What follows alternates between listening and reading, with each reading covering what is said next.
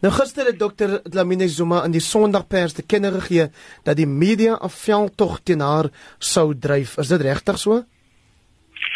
Wel, Heinrich, ek dink so. As ons kyk na van die artikels wat gepubliseer word wat niks anders as valse nuus is, dat dokter Nkosazana Dlamini Zuma besig is om haar kampanje op te gee of dat sy nie meer wil aangaan nie, daar kan niks verder verwyder wees van die waarheid as dit nie. Sy is in volle besig met haar veldtog. Sy het oor die naweek in Mpumalanga 'n baie goeie byeenkoms gehad met 'n goeie opkoms van mense. Sy is in die komende weke aktief besig met haar veldtog en sy het baie duidelik gemaak dat sy absoluut geen rede sien om daaraan te dink om te onttrek of om nie deel te neem nie. As ons kyk na die getalle van kandidate wat voorgestel is, mense wat vir haar gaan stem by die verkiesing, dan sien ons dat sy waarskynlik 'n meerderheid het, maar ek sê dit versigtig omdat hierdie eh afgevaardigdes wat deur die verskillende takke benoem is, nog deur die eh sekretaris-generaal van die ANC se kantoor behoorlik deur 'n eh, auditproses moet gaan. So mens moet baie versigtig wees om te begin om jou eh toekoms en jou oorwinning te tel ja. totdat ons deur die hele proses gegaan het. Jy het genoem dat daar in Mpumalanga goeie opkomste was. Is goeie opkomste by hierdie soort saamtrekke noodwendig 'n aanduiding van die steun wat 'n kandidaat onder takke geniet? Heinrich, dit is baie belangrik dat mens moet kyk na wie by die byeenkoms was. En in hierdie bepaalde byeenkoms in KwaMasanga was dit die doel om afgevaardigdes wat deur die takke benoem is by mekaar te bring en dit is wat gebeur het. So dit gaan natuurlik ook oor wie, soos jy reg sê, by die byeenkoms kom en hierdie bepaalde byeenkoms het afgevaardigdes bymekaar gebring en dit was vir ons baie belangrik want dit dui aan dat ons 'n aktiewe groep van afgevaardigdes het wat na die nasionale verkiesings eh konferensie sal kom en hulle steun vir haar sal uitbring.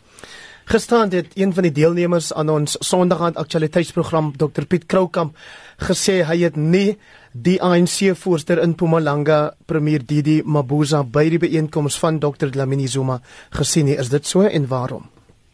Dit is korrek, maar ons het uh, lank voor die tyd geweet dat die voorsitter van die ANC in Mpumalanga nie by hierdie byeenkoms kon wees nie. Maar wat hy seker gemaak het was dat die sekretaris-generaal van die ANC in die provinsie en ook die ondervoorsitter van die ANC in die provinsie daar was en dat hulle baie duidelik gemaak het dat die ANC in die provinsie van Mpumalanga offisieel vir eh uh, kameraad Nkosazana Dlamini Zuma steun. Kalnios, waarvoor staan dokter Nkosazana Dlamini Zuma? Nou sy staan hoofsaaklik vir administrasie wat radikale ekonomiese transformasie prakties sal uitvoer in Suid-Afrika. Sy het dit baie duidelik gestel dat die beleid van radikale ekonomiese transformasie alreeds sedert 2012 by eh, Mangaung aangeneem is as die ANC se amptelike beleid. Maar dat die uitvoering daarvan tot dusver agterweë gebly het. So sy maak dit altyd baie duidelik dat haar belangrikste punt is dat ons nou by die punt van uitvoering moet kom dat ons aangeleenthede rondom die grondsake in Suid-Afrika en veral landrestituisie moet aanspreek dat daar 'n herkonstruksie van die Suid-Afrikaanse ekonomie moet wees sodat dit uiteindelik werklik die meerderheid van die mense in Suid-Afrika sal bevoordeel. Ek dink een van die belangrikste punte wat ons maak oor Dr. Nkosazana Dlamini Zuma is dat sy 'n goeie administreerder is. Dat sy 'n rekord het van administrasie wat suksesvol is en beleid uitvoer en dat dit die belangrikste punt is wat sy maak dat sy 'n administrasie sal lei via die ANC ook as president van die Republiek van Suid-Afrika wat radikale ekonomiese transformasie uiteindelik nou prakties ten uitvoer sal bring. Wys sy dan by implikasie daarmee vinger na die huidige president wat reeds sedert 2009 die land lei as sy sê daar was tot nou 'n vertraging of 'n voetersleepery met die uitvoering van radikale ekonomiese transformasie wat nou vir so lank al ANC beleid is. Goeie vraag, maar dit is nie die manier waarop Dr. Nkosazana Dlamini Zuma haar kampanje voer nie. Sy probeer nie om haarself negatief te definieer vis-à-vis -vis die president, die huidige president van die ANC of enige ander kandidaat nie. Wat sy sê is dat waar daar uitvoeringsprobleme en implementeringsprobleme was in die verlede, wil sy dit aangespreek sien.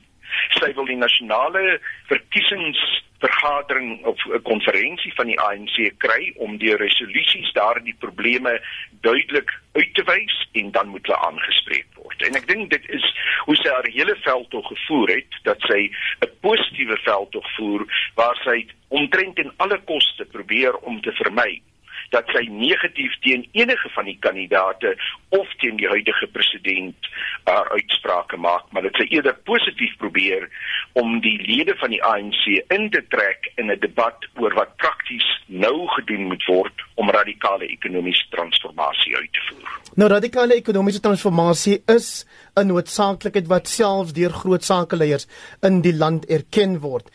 Maar die vraag is, hoe doen jy dit wanneer jy 'n ekonomie het wat nie eens teen 1% kan groei nie? Wanneer jy rommelstatus het.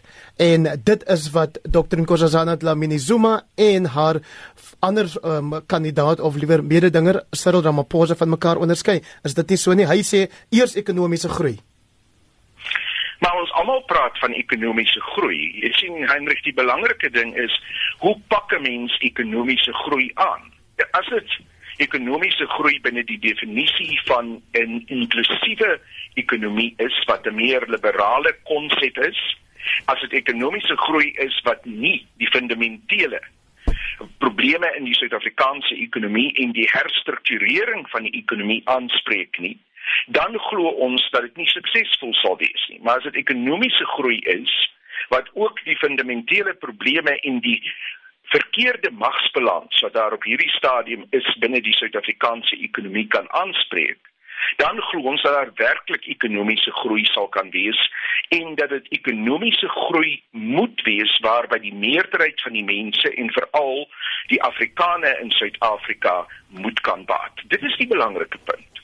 En Dr. Nkosazana Dlamini Zuma het aanhoudend uitgewys dat as ons nie probleme rondom die groot gaping tussen ryk en arm As ons nie probleme rondom onderwys, as ons nie probleme rondom landrestituisie aanspreek nie, dan is dit onmoontlik vir ons om te verhoed dat ons 'n onstabiele en moontlik selfs gewelddadige situasie in die toekoms te gemoed gaan.